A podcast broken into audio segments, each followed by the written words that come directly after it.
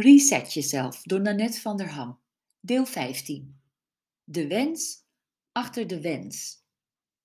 Jarenlang was ik ervan overtuigd dat ik een huis met een zwembad wilde.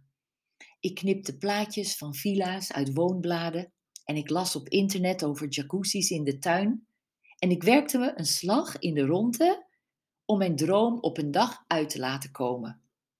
Dat leidde natuurlijk tot veel onvrede, want ik verdiende nooit genoeg voor een villa met een zwembad. Mensen om me heen lachten me uit. En mijn man vond het vaak vervelend om mijn wens te horen, omdat het leek alsof ik nooit tevreden was met wat ik had. Ik weet nog wat het was, waardoor ik na ging denken over de wens achter de wens.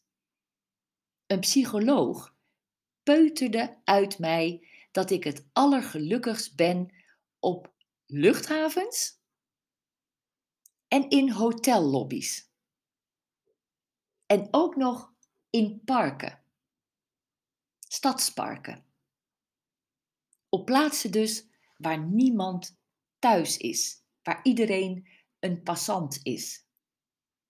Die realisatie scheelde me een hoop geld dat ik aan tickets en weekendjes wegbesteedde, want een bezoekje aan het winkelcentrum op Schiphol en het Centraal Station of een kopje koffie in de lobby van Hotel Krasnapolski in Amsterdam waren al voldoende om mij weer een geluksshotje te bezorgen.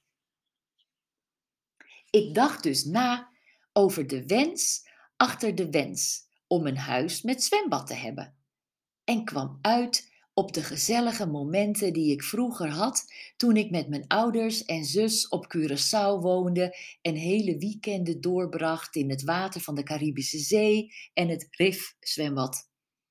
Het waren vrijheid, zonlicht en gezellige mensen waar ik naar verlangde. Niet naar een veel te groot en duur huis met een zwembad dat onderhoud vergt en meestal maar een paar dagen per jaar gebruikt kan worden. Ik dacht dat ik een reset nodig had op het gebied van financiën en geld, meer verdienen. Maar ik reset mezelf nu op de levensfacetten ontspanning, familie en vriendschappen.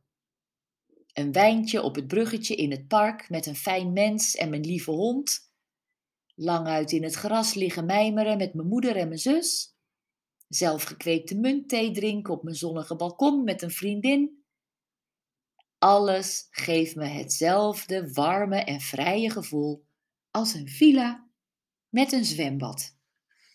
En mijn vraag aan jou is nu, voor de komende vijf minuten, wat is jouw wens achter je wens? Schrijf het op, mens, in je werkboek.